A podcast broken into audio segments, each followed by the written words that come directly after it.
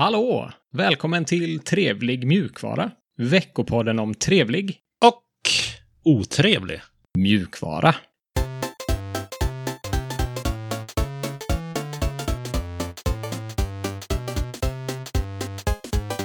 Mitt namn är Sebastian och med mig har jag Alex. Hallå, hallå. Hur är läget med dig? Det är bra. Denna veckan också? Ja, faktiskt. Gött. Det är för varmt. Det är för varmt. Men det är bra. Det går, det går, jag kan andas. Ja, jag håller med. Jag har hittat i, långt ner i en låda en liten USB-fläkt som jag har kopplat in i min dator nu. Så det är enda anledningen till att jag överlever hettan. Ja, okej. Har du haft för dig något eh, skoj i veckan? Ja, vet inte, men jag har funderat på en sak. Vi bor ju här ute halvnära en flygplats. Och det har ju varit lite tyst på den fronten, men det har börjat flyga en del nu faktiskt. Ja. Och då är det ju spännande att titta på de flygplanen, för de, det var ju ett tag sedan. Och vi har även haft en drönare i farten här ute. Hur som helst, vad är dealen med att man kan eh, trigga nysningar via solen? Eller starka ljuskällor? Det, Det är ju... apropå flygplan och sånt. Ja, men man tittar upp och så sen eh, kombinationen titta upp och eh, titta in i något ljust. Så eh, där uppe är ju solen bredvid flygplanet oftast. Ah, ja, ja, ja. Nu förstår jag kopplingen. Nej, ja, det är en bra fråga. Kan, har du den skillen? Jag har inte alla den, eller är det bara jag som har den? Nej, det jag har hört eller läst för ett tag sedan är att det är, det är någonting i ditt DNA som gör att du nyser av att kolla på solen. Ah, så det är någon superpower. det är enkelt. någon slags eh, superpower, precis. Någon fotokänslighetsgen som vissa har. Okej, så alla har inte den? Nej, precis. Jaha. Men både du och jag har den då. Ja, för du får samma eh, effekt. Ja, det får jag. Jag har det mer eller mindre som eh, en rutin när jag går ut, när, det, när solen är ute, att titta upp i solen och nysa alltid tre gånger. jag tycker det är Ja. gött att nysa. Okej. Ja. Det har ju varit problem nu i i dessa tider när man nyser, för då tittar folk på en och tror att man är coronasjuk. Så eh, det är inte alltid en superpower. Nej, nej det, är inte jättepoppis att gå runt och hosta och nysa eller vad man bara nästan andas utomhus nu för tiden bland folk. Precis. Men vi ska inte prata om det. Vad, vad har vi för spännande på agendan den här veckan? Denna veckan kommer vi börja med nyheter. Sen kommer vi kolla på en otrevlighet och en trevlighet och sen har vi ett helt nytt spännande segment som ni kommer få höra om senare. Och Ja. jag vet inte om vi har spikat hur vi ska introducera det här segmentet, så det kan bli någon slags organisk eh, introduktion som eh, senare förhoppningsvis blir eh, den stående introduktionen till det här segmentet. Mm, vi får prova oss fram lite. Yes. Men som sagt, först nyheter.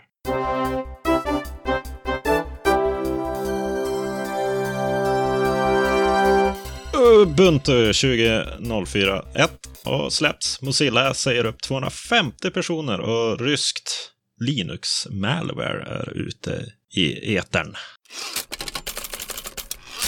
Ubuntu 20.04.1. Ja, äntligen. Har du väntat på den här länge? Ja, lite grann. Det här har eh, gått helt under min radar. Sen Ubuntu släpptes i april så har det kommit en del eh, bugfixar och eh, optimeringar och sånt. Mm. Och man har haft möjlighet att testa så att eh, uppgradering av befintliga LTSer som körde 1804 kan uppdatera till 2004. Okej.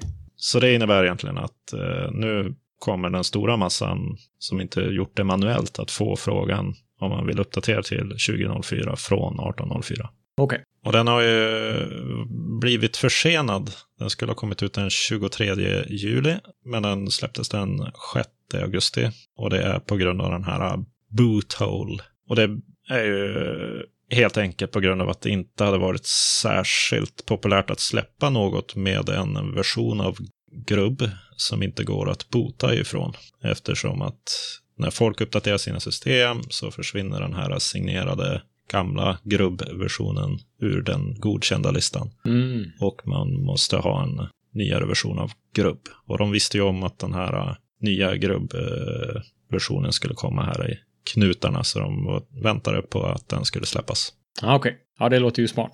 Mm. Jag tror inte att det har blivit försenat något annat år. De här punktreleaserna som sker efter den första LTS-månaden. Så det är väl fritt fram för alla att uppgradera och det har jag gjort. Men jag kör ju inte riktigt Ubuntu standard, utan jag kör ju KDE Neon. Okej. Och det är egentligen en eh, väldigt plasma-fokuserad... eh, De kallar det inte för distribution, utan de kallar det för Ubuntu med det senaste plasma på. Ah, Och det gick jättebra att uppgradera. Jag kunde se mina program och allting som vanligt när jag startade datorn igen. Hur gjorde du uppdateringen? Var det via någon pakethanterare eller någon, liksom någon inställningsmeny i KDE 9? Nå, det dök upp en liten ruta som sa att det fanns en ny LTS att uppgradera till. Ah, Okej, LTS står ju för Long Term Support. just det. Och de eh, brukar ju supportas i fem år, så om man kör vanliga Ubuntu så kan man ju sitta kvar i fem år på sådana här, om man nu känner för det. Men KDE Neon, som är någonting annat, vill att man uppgraderar så snabbt som möjligt. Ja, jag förstår. Och den du tidigare satt på var 18. punkt någonting, så den släpptes 2018. Så du har suttit på den i två år nu då, Mm. ungefär? 1804 hade jag innan. Så eh, det var skönt. Jag kunde avinstallera mina konstiga hack för att få senaste NeoVim. För nu i 2004 kan jag installera NeoVim och få ganska uppdaterat i vanliga pakethanteraren. Så det var trevligt. Schysst. Det enda som sticker ut är att jag stöter på problem med lite sådana här uh, plugins till Jack. Jag använder ju Jack för att kunna spela in soundboarden samtidigt som vi spelar in våra röster här och får lite olika spår och så i Audacity. Och det krävdes lite roddning där, men jag har ju ganska udda edge case, eller vad ska man kalla det. Ja, ja, precis. Det känns som jag har satt mig i den sitsen och jag var lite med på att det skulle kanske bli något strul där. Så jag var med på det och det gick fort att lösa det ändå. Ja, vad skönt. Då är det väl bara att köra på med uppdateringen. Om man sitter på 18.04 nu då. Ja, jag tycker det. Det känns som en bra uppgradering. Mozilla har sagt upp 250 av 1000 anställda. Och det här är ju något som eh, jag funderade på om det skulle in på otrevlighetssegmentet, men det beror ju på hur man ser på det också. Det är ju en otrevlig nyhet. Ja, det var ju i början av det här året som vi pratade om att de hade sagt upp 75 eller något sånt personer. Just det. Lite högre uppsatta, lite ledningspersoner som de sa upp. Mm. Nu är det vanliga dödliga arbetare som de har sagt upp. Många av dem åtminstone. Ja, 250 av 1000 anställda är ganska, det är en redig andel. Ja, det är det verkligen. Det är ju hon, Mitchell Baker, som är eh, Mozillas nya CEO, Mm. som släppte ett blogginlägg eller en, eh, en, någon slags announcement här den 11 augusti, där hon meddelade det här, att de säger upp 250 anställda. Och dessutom så kommer 60 anställda få behålla sitt jobb, men byta position inom företaget. Så det är ytterligare omstruktureringar som görs. Och kontoret i Taiwan stänger ner också. Just det. Sen har jag även sett att det här Mozilla Developer Network, är det det det står för? MDN? Just det. Att det teamet har sagts upp helt. Ja, Och det har det ju varit mycket snack om på nätet. Att eh, det var illa. Ja, det är den bästa resursen man har som webbutvecklare, skulle jag säga. När du vill kolla någon slags definition eller det är som en Wikipedia för webbutveckling. Eh, när det kommer till HTML, CSS och JavaScript, åtminstone. Ja, det käns som, eh, nu är inte jag någon advokat, men om man skulle vara och leta efter lagtexter så kollar man ju i, eh, vad kallar man det, lagboken.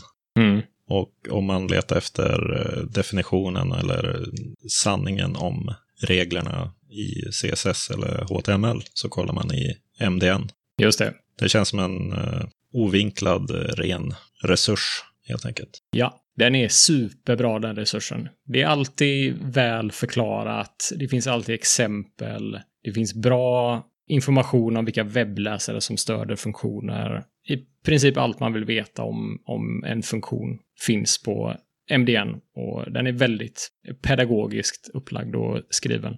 Ja, så det är ju en stor förlust såklart, för det är ju de här personerna som har jobbat på Mozilla som har skrivit MDN, eller stora delar av det åtminstone. Så det är mycket, mycket kunskap och ja, den generella inriktningen på MDN som har kommit från de här personerna som eh, vi har förlorat nu.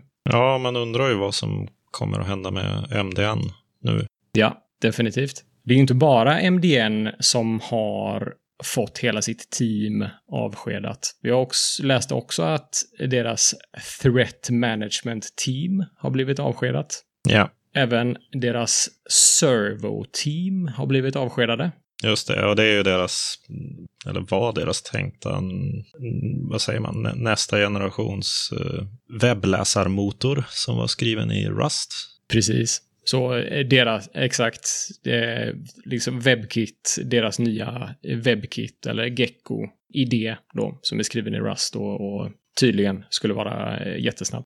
Ja, det låter ju som att vi håller på att prata om någon som har dött här. Men det finns ju lite positiva aspekter i, i den här händelsen också. Ja, enligt Mitchell Baker så ska den här nedskärningen göra att Mozilla ska bli starkare på att erbjuda alternativ till big tech-produkter.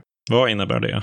Ja, det är väl produkter och applikationer från big tech och då är det ju liksom Apple eller kanske framförallt Google och Microsoft som de menar där. Ja, Så Mozilla levererar ju Firefox till exempel, som är ett alternativ till en big tech eh, som är Chrome. mm. Och där kommer de fortsätta att jobba för att leverera alternativ som är gratis och öppna, hoppas jag.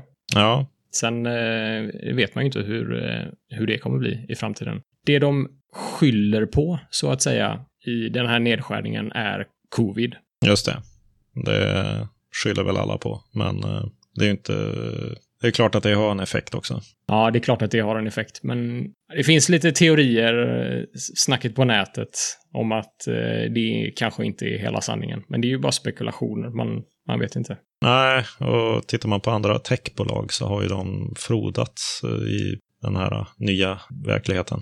Just det. Ja. Ja, men eh, det hon skriver att eh, de hoppas på att kunna göra är att nu när de är mindre så ska de också kunna bli snabbare, ändra inriktning snabbare, göra mer experiment, eh, få bättre samarbete med externa partners. Mm. Den typen av eh, ny inriktning. Så det är, det är klart, är man färre personer så är det ju lättare att, att byta inriktning. Ja, många eh, frågor dyker upp när det kommer till just den här eh, inkomstbiten.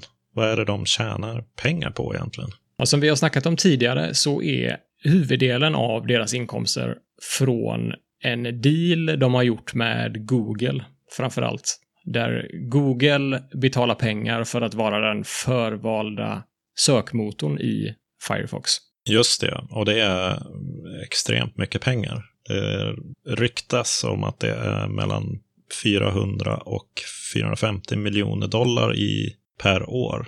Yes. Och det är något som de, eh, nu är inte det något som har kommit officiellt från Mozilla än, men det sägs att det har förlängts till eh, 2023. Ja, så om det nu stämmer så kommer de ju ha 400-450 miljoner per år i åtminstone till 2023. Och det är ju lite pengar. Men de har ju också andra inkomstkällor. De har ju lite sådana här alternativ till big tech-produkter som de tjänar pengar på. Mm, de har ju den här VPN-tjänsten som de släppte nyligen i vissa länder, inte Sverige då, som kostar 5 dollar i månaden. Ja, Och så har de den här Pocket som de eh, skaffade, som inte var så poppis. För de har ju lovat att göra det open source, men det har inte skett än så länge. nej, precis. Jag måste säga att jag tycker att det är en ganska bra tjänst ändå, får jag flika in. Alltså, använder du den? Jag använder den. Yes. Mm. Det är in, inbyggd i browsern, bara ett klick för att spara en länk och så kan du tagga den också. Jag tycker den funkar bra. Ja, den kostar 5 dollar i månaden också, eller om man har någon premium. Vad får man för premium? Jag är inte riktigt säker. Jag har läst igenom deras premium features och eh, det är väl bland annat att du slipper reklamen på Pocket-sidan. Aha. Men det är inget issue för de som kör adblock ändå. Och så är det lite extra, lite extra features. Jag har dålig koll på det där. Ja, finns det något mer då på horisonten? Ja, de har ju sin Mozilla Hubs som jag inte hade hört talas om innan. Som jag Ja, ja, ja, just det. jag hittade nu när jag undersökte lite grann. Ja, den har jag ju faktiskt testat med min fru. Ah, okej. Den är helt märklig, måste jag säga. Men den är lite rolig också. Så som jag förstår det så är det ett, ett virtual reality chattrum. Som en, en scen liksom. Mm. Du kan vara i en trädgård eller i en biograf eller vad man nu bygger upp för 3D-scen. Och så kan man umgås med de, de andras avatarer. Och så kan du även dela en video till exempel som båda kan titta på samtidigt. Ja, och det där eh, var ju roligt.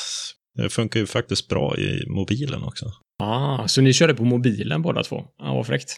Ja, det var smidigt. Man behövde inte installera någonting. Man bara surfade in på den där och så delar man länken med sin kompis och så kom de in. Ja, okej. Sen när man eh, pratar så rör sig munnen i det här virtuella rummet. ja, okej. Häftigt. Sådana grejer, den kan jag ju bara tänka mig att det finns eh, liksom potential att eh, tjäna pengar på. Jag vet inte om du kan ha något permanent rum eller jag vet inte hur de ska tjäna pengar på det, men Ja, kanske premium 3D-modeller eller någonting. Jag vet inte. Det är ju ändå en, eh, en cool tjänst som folk kanske kan tänka sig att betala pengar för. Och sen eh, även fundera på om man kanske till och med ska betala för Firefox. Det är absolut min eh, egen tanke och idé och det kanske är jättedumt. Men när jag tänker på det själv så skulle jag kunna tänka mig att betala en liten peng för Firefox. mm. ja jag, är- jag är lite mer för att man kanske ska donera pengar till Mozilla. Jag vet inte. De har ju som ändrat ansiktet utåt lite grann det sista. Mm. De har blivit väldigt fokuserade på att göra sig själva större och leverera värden som man ska betala för. Mm. Istället för att värna om öppenhet på internet på samma sätt som de har gjort tidigare. De har ju varit starka eh, spelare i det utrymmet eh, under lång tid, men det känns som att det har stagnerat lite och så har de fått fokusera på annat än det som är deras kärna, som är Firefox, i min värld i alla fall. Ja, jag håller med. Det är ju definitivt deras flaggskeppsprodukt. Jag tror lite anledningen till det är att för bara några år sedan så var de liksom den andra eller den tredje största webbläsaren på liksom, ja, jag har inte siffrorna framför mig nu, men 30 procent tror jag de hade av marknadsandelarna för några år sedan. Nu, den senaste rapporten från augusti detta året, så har de drygt 3 procent av marknadsandelen. Ja, det är fruktansvärt tråkigt. Ja, om, om de nu eh, beror så mycket på eh, den här Google-sökdealen och förlorar andelar på Firefox för varje dag som går, så kommer ju inte Google till slut att förnya den här sökdealen. Och då kommer de inte få sina 400-450 miljoner dollar per år. Nej, Så ja, deras eh, ekonomiska modell eh, känns väldigt... Eh, skör. ja, exakt. Ja, det håller jag med om. Och som det ser ut i dagsläget så är det ju den här Chrome-basen som alla utgår ifrån. Just det. Som kommer att gå segrande i längden ur allt det här. Då. Ja. Det kommer ju vara som i, början där på 2000-talet. Man utvecklar ju, man var inte webbutvecklare utan man var ju Internet Explorer-utvecklare. ja, precis. Det skiljer sig så mycket mellan webbläsarna så du kunde bara vara expert på en av dem. Ja, och det var ju bara värt att vara expert på en av dem.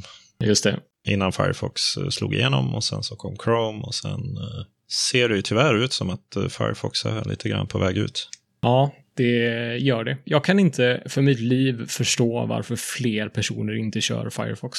Jag tycker att det är en så bra webbläsare. Ja, Dålig marknadsföringsavdelning. Ja det sitter väl kvar lite i, i folks bakhuvud också att det var ganska segt där mot slutet innan de eh, bytte ut mycket mot nyoptimerade eh, rastbaserade tekniker. Ja, just det. Ja, ja, jag, ja, jag tycker att Firefox är en superbra webbläsare och den är definitivt mer etisk än vad Google Chrome är. Ja, den är ju betydligt, eh, den har betydligt högre trevlighetspoäng än Google Chrome. Ja, det har den. Ja, jag tror de behöver eh, marknadsföra den bättre, faktiskt. Mm. Vi får väl se. De har ju, om man tittar på nätet, snacket på nätet igen, så är ju folk väldigt kritiska mot det här. Ja. Vad tycker du om det? Eh, jag tycker att folk kanske får lite för mycket panik för snabbt. Och att de kanske borde ha is i magen och se liksom fördelarna med det som händer. Det är ju inte roligt att folk förlorar sitt jobb. Det är ju någonting som alltid suger. Ja, det kan man säga. Men det finns ju ändå positiva saker med att ett företag skär ner och blir mer fokuserade. Ja, Jag tror att om allting går bra för Firefox så kommer de att studsa tillbaka och tjäna jättemycket pengar. Och så kommer Firefox få fler marknadsandelar och internet kommer att eh, tjäna på det i det stora hela och bli en mer öppen och mer etisk plattform. ja, som inte styrs av en webbläsarmotor. Precis. Men eh, det får vi hålla koll på, för vi båda sitter ju i Firefox. Det gör vi. De har ju varit väldigt eh, generösa tycker jag ändå, på sätt och vis, när de har sagt upp de här personerna. De har ju gett dem en liten, liten bonus och så har de ju fått många månader på sig att hitta nytt jobb. Just det. Och så har de ju eh, hamnat i någon slags eh, social mediastorm, eller vad ska man kalla det? Något som har, någon viral, om det finns virala saker inom utveckling och Mozilla så är det väl den här Mozilla Lifeboat som dök upp Just det. Vad är på Twitter och de har väl till och med en egen hemsida, tror jag. Jajamän. mozillalifeboat.com. Ja, och så så är det någon grafik där på någon eh, liten räv som är i en båt. Och eh, ett gäng företag som eh, letar efter eh, arbetskraft med kompetenser som de här som fick gå från Mozilla troligtvis har. Så det ju, har ju varit en väldigt trevlig respons från communityt ute på nätet där. Mm, ja, det får jag säga. Så man kan använda den här hashtaggen Mozilla Lifeboat. Antingen om man har blivit sparkad från Mozilla och söker jobb. Eller om man är ett företag som söker anställda. Så eh, försöker man matcha ihop de här personerna med något nytt jobb. Mm. Jag tror alla de stora företagen har dykt upp i den där strömmen av eh, tweets. Och från Apple till eh, Google och som försöker att haffa ett gäng seniora och duktiga utvecklare. Ja, det är ju eh, duktiga personer, kan jag bara misstänka. Så är det klart, de vill ju haffa dem så snabbt som möjligt. Mm. Ja, det är ju ett jättebra sätt eh, för communityt att stödja de här personerna som eh, har fått lämna Mozilla. Ja, det är ju en liten trevlig snurr på den här ganska otrevliga storyn. Ryskt Linux-malware har dykt upp i en rapport som FBI och eh, NSA har publicerat. Mm. Finns det malware och virus på Linux? Nej. nu ljuger du, det gör det visst. Ja, det gör det väl. Uppenbarligen. Historiskt sett så har det väl varit så att eh, de som har skrivit de här malwaresen och viruserna har siktat in sig på de plattformarna som är mest populära. Ja. För att de ska kunna ha så stor träffyta som möjligt. Mm. Så virus och malwares på Linux har inte varit lika vanligt som det har varit på Windows. Precis. Och eh, nu när Linux dominerar molnet bland annat så har det ju blivit eh, ganska hett att sikta in sig på det. Ja, och det är ju på något sätt eh, lite roligt, för det betyder ju att Linux har blivit större.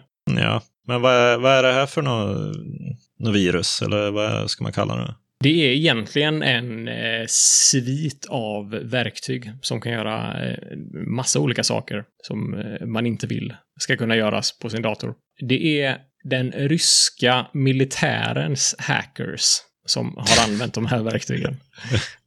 Okej. Har, du, har du spelat Command and Conquer? Ja, Den, här, den där trean, 3D Command and Conquer? nej, det har jag nog inte gjort. Ah, Okej. Ja, den, I den kan man bygga hackers eh, när man är Kina. Jaha, okej. Som man sätter ute på marken och så sitter de och hackar och får pengar. okej. Jag fick någon sån bild av det. Ja. Ja. Ja, det här är, det här är något i den stilen. ja, de kanske inte sitter utomhus, men ja. Nej, precis. Men eh, något sånt. De kallas för APT28 eller Fancy Bear eller Sednit. De har jättemånga olika namn, den här hackergruppen, så det är, det är liksom säkerhetsexperter över hela världen som har sina egna kodnamn på den här hackergruppen. Och den här hackergruppen är då fundad av den ryska militären. Ryktas det om. Det finns ju inget sätt att verifiera de här sakerna, men eh, det är snacket på nätet, så att säga. Det, ja, okej. Och det här verktyget som de har använt kallas för Drovorub. Som är Det där är ryskt ord. icke godkänt eh, uttal av det där. Ska vi, kan vi inte ta fram den här eh, Google Translate? På Gör det. Droveroob. Men man kan ställa in den på ryska här. Vänta. Drovara, drovara. Dra bara. Nej, vi går vidare. Ja. Så den här eh, Dvorov betyder att hugga ved eller eh, to shop firewood. Jag vet inte, det är den direkta översättningen i alla fall. Ja, Den här hackergruppen är tidigare känd för att ha hackat eh, DNC, Demokraterna i eh, USA, deras mail inför valet 2016. ah, det där kända. Just det, som satte käppar i Clintons hjul. Just det, exakt, exakt. Så det är samma grupp nu som eh, FBI och NSA har eh, avslöjat. Ah, ja, de är, ju, de är ju faktiskt kända nu, när de håller på så här. Verkligen. Ja. Så de försöker introducera de här bakdörrarna i hackade nätverk. Och det här verktyget, Dvovorub, är som en schweizisk armékniv av eh, en massa olika verktyg. Så de kan bland annat stjäla filer från de här hackade nätverken eller klienterna. Och de kan remote-kontrollera datorer. Ja, Och den är också designad för att vara väldigt svår att upptäcka. Men det finns ju en rädsla inför valet 2020 nu, såklart. Man vill ju definitivt förhindra att eh, ryssarna bestämmer vad som händer med valet. mm. I den här rapporten från FBI och NSA så har de släppt en eh, massa information om den här skadliga mjukvaran. För att sysadmins runt om i världen, eller kanske främst i USA, ska få hjälp att patcha sina system och se till så att den här eh, otrevliga mjukvaran inte kan introduceras på deras servrar. Så en stor del och kanske nästan den viktigaste grejen är att uppdatera sin Linux-kernel till 3.7 eller senare. 3.7. Det är en gammal kernel. Ja, det får vi kolla upp. December 2012. Jesus. Ja. Ja, det är ju en exploit för riktigt gamla ouppdaterade system. Men det finns väl en del av dem, såklart. Ja, ja, det gör väl det. Det är ju så verkligheten ser ut, tyvärr. Nej, det var inte trevligt. Ska vi fortsätta på, på det otrevliga spåret? Ja, det får vi nog göra lite till i alla fall. Okej då. Tim Sweeney. Fortnite! Ja, Fortnite har i regi av Team Sweeneys Epic satt sig i eh, det blå skåpet i, hos, eh, satt sig i det blå skåpet. ja, förberett någonting där inne. Ja. Och där i det blå skåpet finns ju skit, som vi alla känner Ja, till. de eh, har blivit kickade från både App Store och eh, Google Play. Mm. Men det här är någon slags two-in-one otrevlighet, för jag har ett litet sidospår med Team Sweeney. Nej, vad är det? Jag vet ju att han har varit lite kritisk mot Linux tidigare och det får man väl vara. Ja, men han är lite av en hycklare, eller hypokrit eller vad man ska kalla det. Han, han predikar om grejer och häv- hävdar saker, och så sen följer han inte det själv i sina handlingar. Han, bara, han attackerar ju Steam för att hämma den eh, fria marknaden med sin dominans. Han, eh, sen köper han studios, spel, Och gör dem exklusiva på sin egen plattform.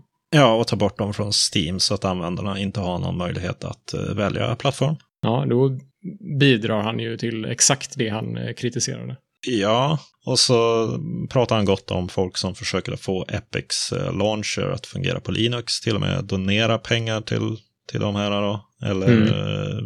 till Blender Foundation och sådär. Men det är ju för att skaffa lite goodwill när han motar bort eh, Rocket League och Total War från Linux. Ja. Så eh, det var ett litet sidospår bara. Så bara för att vi kanske försvarar Epic i det här lite grann så eh, betyder det ju inte att vi tycker om allt som Epic håller på med heller. Nej, så är det. De har också sina fläckar på himlen. Eller vad säger man? Yes. För övrigt så fungerar Epic Store på Linux via Lutris jättebra. Vill bara Ja. flika in det. Just det. Som eh, Tim Sweeney faktiskt har hyllat. Just det. Kunde han ju hjälpt till lite med, kan jag tycka. Ja. Men, men. Ja. Vad är det som de har gjort för att bli kickade från App Store och Google Play då? Ja, i det här Fortnite, som är något slags eh, survival-spel, som jag förstått det, så kan man tydligen köpa hattar och annat grejs som man kan Ja. smycka sin gubbe med för riktiga pengar. Och Fortnite införde nyligen möjligheten att köpa de här sakerna via Epics egna kanaler och på så vis eh, snuva Apple och Google på de här transaktionspengarna. ah, för de tar en katt på allting som köps in-app annars va? Mm, och de tar en ganska redig andel av den transaktionen. De tar 30 procent båda två. Ja, det är fruktansvärt mycket. Ja, är väldigt otrevligt med det här duopolet på eh, mobilmarknaden, tycker jag. Ja. Det blir ju extra tydligt nu. De har ju verkligen lagt upp för Smash-läge när det kommer till Android och eh, iOS. De har ju bäddat för att eh, ha kontroll över butikerna, ha kontroll över enheterna. Och så Mm. eh, har de ju, då slutar det ju så här när de har monopol. Men när de är två så blir det ju du, duopol. Ja, ja, precis. Det är därför jag tycker att de här webbapparna är så fräcka. De här progressiva webbapparna. PWA-apparna. För där eh, slipper man eh, Play Store eller App Store. Utan du kan installera appen direkt ifrån eh, en, din browser, helt enkelt. Ja, ja. Det var ju något som jag eh, upptäckte när, vi, när jag surfade in på trevligmjukvara.se. Då kan man ju få en liten sån eh, möjlighet att installera den. Just det. Precis, om någon nu någonsin skulle vilja göra det. Eh, Kan, Ja, jag är inte alla det. ja, kanske. Ja. Men det är ju ganska tydligt att de har brutit mot eh, i alla fall Googles utvecklaravtal eh, som lyder så här. Utvecklare som erbjuder produkter eller expansioner, inom parentes DLC då, inuti ett spel som laddas hem på Google Play måste använda Google Plays in-app billing som betalningsmetod. Ja, just det. Det har de ju eh, inte gjort. Nej, och då, då har de ju rätt att ta bort appen. Så det går inte att installera Fortnite nu alls. På Android så kan man installera det direkt från eh, Epics eh, hemsida. Men eh, på Apples enheter så kan man ju inte sideloada appar på samma sätt. Ah, utan att jailbreaka eller göra några andra Ja, konstiga manövrar. det är mycket swinglish här, men det Brytas ur fängelset. ja, brytas ur fängelset, tekniken eller eh, sidoladda. Yes. Precis. Jag förstår. Ja, så det är, det är väl det som är otrevligt, att man har köpt en enhet som har någon av de här operativsystemen och det finns eh, uppenbarligen appar som fungerar på enheterna, men som man inte får installera för att eh, de som har producerat enheten eller operativsystemet till enheten tycker att de ska ha 30 procent av eh, alla transaktioner. Ja. Jag hörde något slags försvar från Apple där de nämnde att Epic har lyckats bygga en bra marknad på deras plattform. Och Apple har faciliterat 0, någonting triljoner dollar som har gått igenom eh, Apples sån här betallösning då. Och det skulle på något sätt vara ett försvar, men de får ju 30% av de här 0, någonting triljonerna. Det är ju hur mycket pengar som helst som Apple får i fickan. Ja, Är liksom, är, eh, smakar det lika mycket som det kostar? Undrar jag. ja, det tycker inte Epic uppenbarligen. Nej. Så de gör ju någon slags eh, manöver här nu då för att få igång diskussionerna. Och det har de ju verkligen fått. Det finns ju folk som tillhör båda lägren som eh, går igång och eh, gafflar fram och tillbaka om det här. Mm. Men alla verkar hålla med om att 30 procent är absurt mycket. Ja, det är det. Verkligen. Det är en större andel. Nu kanske jag eh, har hamnat på utvecklarvänliga forum och så. Men snacket på nätet är att de flesta tycker att det är användarfientligt att inte kunna sidoladda appar på iOS. Just det. I de svängarna brukar ju Apple prata om att man ska styra hela upplevelsen. Ja, precis. De vill eh, kunna garantera användarnas säkerhet och eh, sådana där saker. Snackar de Mm. om. Ja. Säkerhet och upplevelse. ja, och det kan jag väl förstå. Ja, det är ju därför man inte vill sitta på Apple devices. Ja, det är väl det. De släppte ju inför releasen av någon Mac-dator 1984 så släppte Apple en reklamfilm där de hintade lite till den här eh, 1984-boken. Just det, den är ju känd, den där reklamsnutten. Det är en film som spelas och publiken sitter helt eh, hypnotiserad och eh, tittar på den här film filmen. Och så är det storebror som är på skärmen och berättar för dem hur eh, bra allt är när storebror har kontroll. Så är det någon som springer fram och slänger en hammare i skärmen. Jag vet inte om du känner igen den reklamfilmen? Jo, eh, någon tjej i 80-tals träningsshorts eh, ser det ut som. Exakt. Och precis. eh, permanentat hår. Yes. Fortnite har ju gjort en parodi på den reklamfilmen nu. Ah, i och med det här. Så de har ju animerat precis samma scen och istället för den här storebror som är på filmen i, i Apples variant så är det ett äpple. det var ju fiffigt av dem. Det är väl nästan så att man misstänker att de har förberett för det där. Ja, de hade nog en plan. De gjorde nog inte det här av misstag. De blev inte förvånade när de blev kickade från de här plattformarna. Nej. Det kan jag inte tänka mig. Microsoft har ju Xcloud på G, som är Xbox Streaming, som eh, kommer att gå att installera på både Google Play och Samsung Galaxy Store. Mhm. Och då löser de den här problematiken med att betala för DLC och sånt genom att bara erbjuda möjligheten att köpa de här eh, extra innehållet via Samsungs Galaxy Store. Så det är ett litet sidospår hur andra har eh, tänkt sig att eh, attackera det här framöver. För det är ju uppenbarligen ett problem att eh, Google och Apple får så stora andelar. Ja, visst. Och det är väl lite av ett försök till att påverka i alla fall storleken på andelen. Ja, någonting behövs eh, göras. Det är solklart. Ja, vad säger du? Ska vi ta och titta på något, på något helt annat kanske? Jag är trött på de här negativa sakerna nu. Ja, Trevligare. ja, ja det räcker. T-O-S-D-R. Oj, vilka konstiga bokstäver. Vad betyder det där? Jag tror att det är en helt normala bokstäver, för det första. Men, eh, Kombination, menar jag ju. ja. Eh, ja, det står väl för Terms of Service Didn't Read. Ah. Vet du vad den mest frekventa lögnen på nätet är? Jag kan ju inte gissa, jag kan inte gissa det jag tror. Eh, att eh, jag har mycket pengar. Ja, ska man tro den här sidan så är det jag har läst och godkänner användarvillkoren. Ja, just det. Det är som man klickar i tio gånger per dag. Nej, kanske inte riktigt, men ofta. Ja, så fort man ska installera någonting så är det ju någon slags eh, dokument som man eh, får skriva på eller acceptera. Just det. Och massivt långt, tekniskt tråkigt. Invecklat, ja, formulerat på ett sätt som gör att man i princip inte vill läsa det. Just det. Men då kommer ju TOSDR Ah, okej. Allt det här började med ett gäng som träffades i Berlin på eh, 2011. Chaos Communication Camp. Som gick av stapeln 2011 då.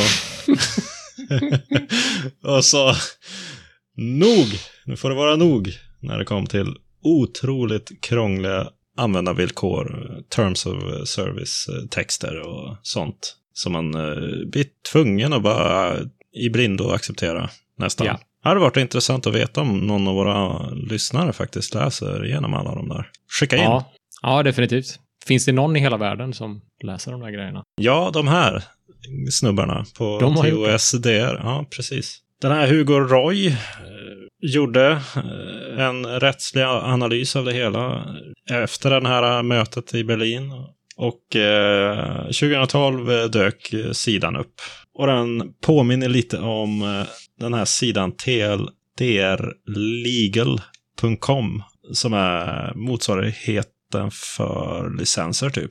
Just det, den känner jag igen. Som listar lite, punktar upp egentligen vad man ska tänka på i grova drag. När man Just använder det. olika licenser och för och nackdelar. Och, så det här är ungefär samma sak. Fast de har analyserat tjänsters eh, användarvillkor och eh, punktat upp det i eh, fördelar, nackdelar och neutrala delar om eh, det man egentligen skriver på. Ah, för varje sajt då. Jag ska se, jag ska gå in på sidan. Så på YouTube till exempel. Mm. Så ser vi att den har klass D, vilket eh, verkar vara, klass A verkar vara bäst. Och sammanfattningen är The terms of service are very uneven or there are some important issues that need your attention. Ja, Och så har den lite nedåt-tummar, så dåliga betyg på ett par saker. Och eh, ett par sådana neutrala punkter och ett par röda kryss som är väldigt dåliga punkter. ja. Och så någon liten tumme upp någonstans. Okej. Så de har ju klassat de här uh, användarvillkoren utifrån hur uh, ja, fientliga de är mot användare. Från en väldigt bra klass A till en väldigt dålig klass E. Just det. Det var inte många klass A-sidor här. Nej, finns det någon klass A? Start Page har klass A. ah, det är den där uh, sökmotorn. Just det. DuckDuckGo har också klass A, faktiskt. Mm. Spännande. Hur som haver, om man uh, surfar in på den här sidan så kan man ju kika på Facebook och de här konstiga sidorna som man är inne på dagligen och har accepterat användarvillkoren på. Det finns en del uh, skräckexempel där. Mm. Ja, det kan ju vara superbra. Jag var lite ögonöppnande nu när jag har spenderat en minut på den sajten och se hur dåliga de här terms of servicerna är på vissa tjänster. Ja, Reddit har jättedålig, jätte, jätte, den har klass E och Reddit använder jag hela tiden. mm. Kanske borde ta en titt på det där. Ja, och det fungerar i grova drag så att om man eh, hittar en tjänst eller använder en tjänst som de inte har med i sin databas här så kan man eh, skicka in den eller bidra med sin egen recension eller vad man ska kalla det, Mm. sammanfattning. Och eh, så kommer de att eh, hålla den eh, tills någon av deras eh, professionella Ja, just jurister eller... jurister kikar på det och godkänner att eh, det stämmer överens och att man inte hamnar i några trubbel eh, rättsligt över att visa det, den informationen på den här hemsidan. Ja, okej. Så den är lite community-driven. Det är ju schysst. Trevlig sida, bra idé att kika igenom den om man eh, ska eh, gå med i en eh, ny tjänst eller använda en ny tjänst. Och ha Just lite funderingar på vad man egentligen går med på. Precis. Bra tips. Nu kommer nästa segment, va? Ja, det är klart det gör. Det nya segmentet menar jag. Ja, nu ska vi se. Det är ju en återblicksdel. Vad kallar man det? Flashback. Men det är ju engelskt ord. Ja, men eh, återblick tycker jag vi kan kalla det. Ja, Och tanken är att vi ska se tillbaks på ämnen som vi har haft i podcasten tidigare. Där statusen har ändrats. ja, följa upp någonting som vi har sagt innan. Precis. Men eh, då måste vi hitta någon slags uh, jingel och då eh, är ju frågan. Man vill ju ha något sån här som åker tillbaka i, tillbaka i framtiden, höll jag på att säga. Tillbaka i dåtiden. Effekt. Ja, vi har ju snackat lite löst om det här tidigare innan avsnittet och jag har funderat lite och tycker att den här TARDIS-ljudet är lite roligt. Vad, vad är det för något? TARDIS är Doctor Whos rymdskepp. Finns det någon... eh, ska vi testa den här då? Ska vi se om jag har grävt fram rätt här.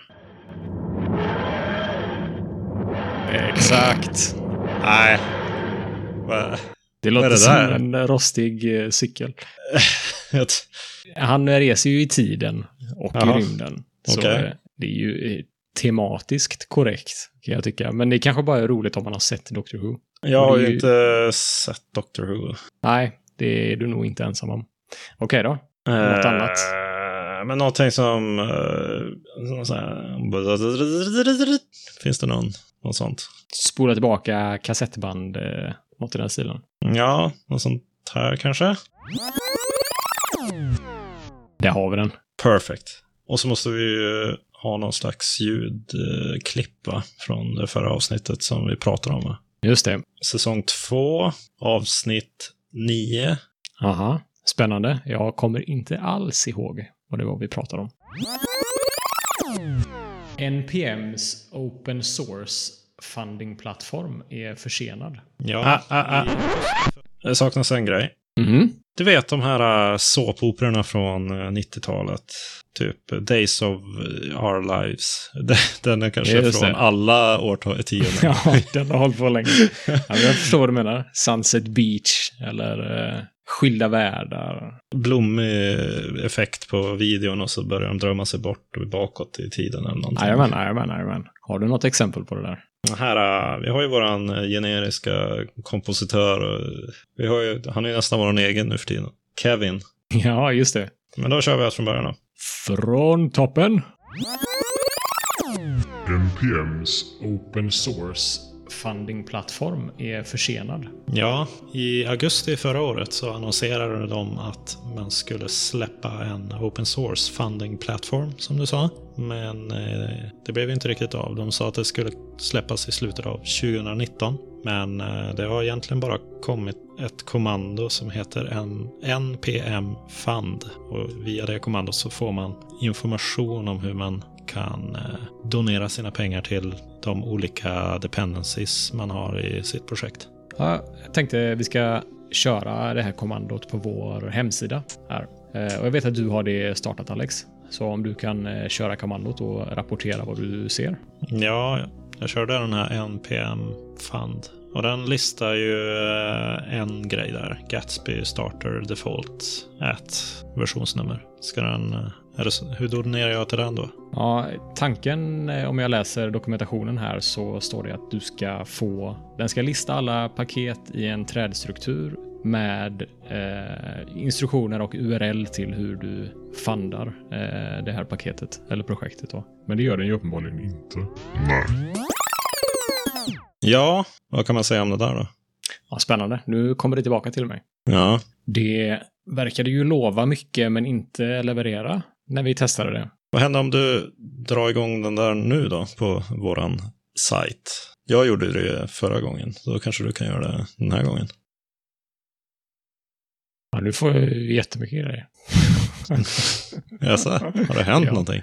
Ja, det är ju kanske f- tre- 30 paket i den här trädstrukturen. Och många pekar på opencollective.com slash webpack till exempel, som är ett av dem vi har. Ah. Eh, några pekar på github.com sponsors. Ja, men det är många av paketen vi har nu som har den här meta-informationen om eh, sponsorlänken. Kul, då har det ju hänt någonting. Ja, Men det är ju långt ifrån alla paket, men eh, det, har ju, det är en markant skillnad. Och du har fått länkar också. Det, hade ju, det fick vi inte förra gången. Nej, vi fick en träff som vi hörde i klippet utan en länk. Ja, precis. Ja, Ja. intressant. Då har folk börjat använda det här. Fylla i den här informationen i sina paket. Mm. Så det blev genuint förvånad över att det var så många paket i våran. Jag blev på riktigt genuint förvånad. Jag trodde det skulle vara helt tomt. Eller att det inte skulle funka längre eller något. Ja, det var ju lite kort och koncis eh, återblick på det vi har pratat om tidigare. Ja. Tycker jag var lite kul. Prova något nytt som ändå är gammalt. Ja, precis. Ja, men jag håller med. Det är roligt och nu var det en positiv uppdatering i denna gången. Ja, det är ju trevligt. Det är jätteroligt att se.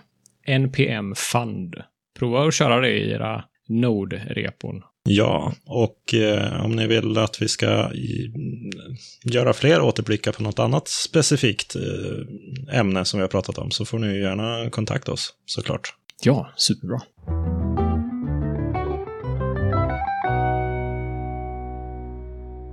Det känns alltid som att man ska stiga in i någon sitcom och, med den där gingen. ja, den är skön. Jag gillar den. Ja. Men det är ju gingen för... Utmaningarna. Yeah.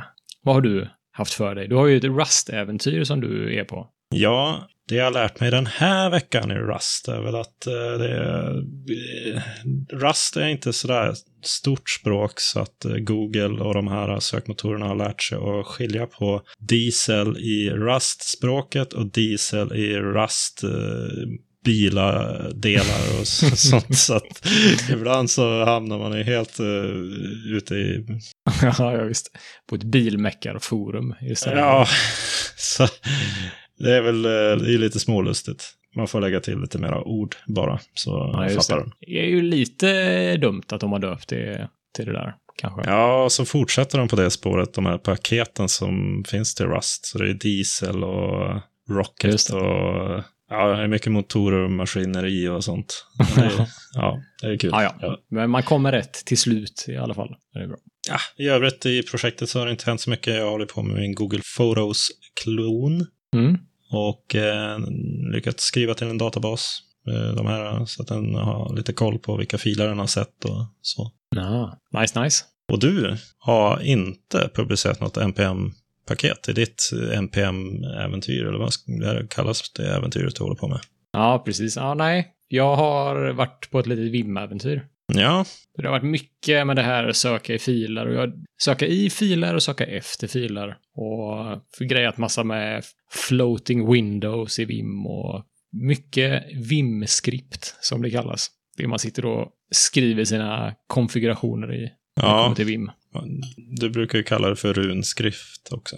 Ja, det känns så. När man är, när man är klar med, har lagt till 52 rader, ser ser bara ut som runskrift. Fattar ingenting egentligen. Ja, men det funkar ju. Ja, det gör det. Ja, man får hacka sig igenom det och kopiera någonting från någon Stack Overflow och sen försöka bryta isär det, testa. Det är väldigt mycket trial and error. Mm.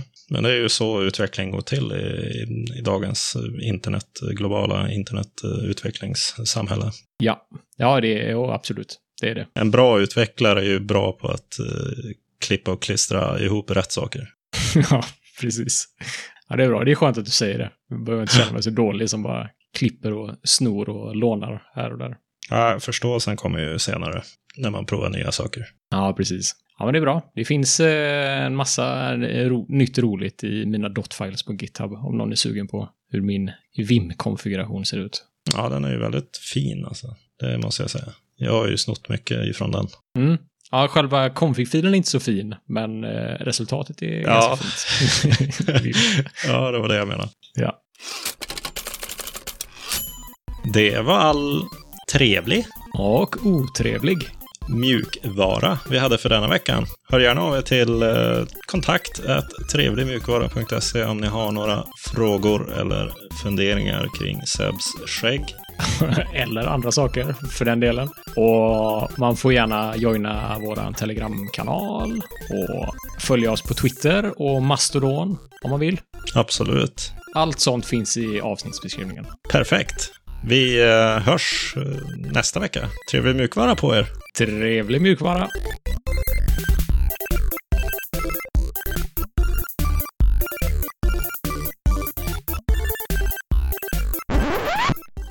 I den här rapporten från FBI och NSA så har de slapp, slappt, slappt, Ge mig en Edwards, jag behöver en reset. Ett gäng som träffades i Berlin på 2011 Kaos kommunikations eh, hike. Är det översatt till. Du kan inte översätta. Det är ju som att översätta Microsoft till Minimjuk. Det är ju ett namn det där.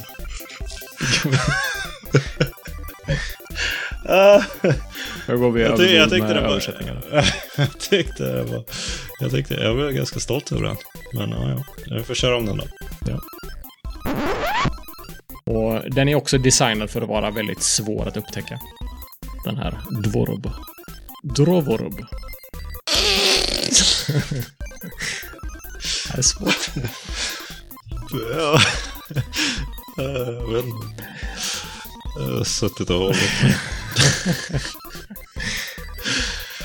Det är bra att du håller masken när du säger det där. Dra Drovorob.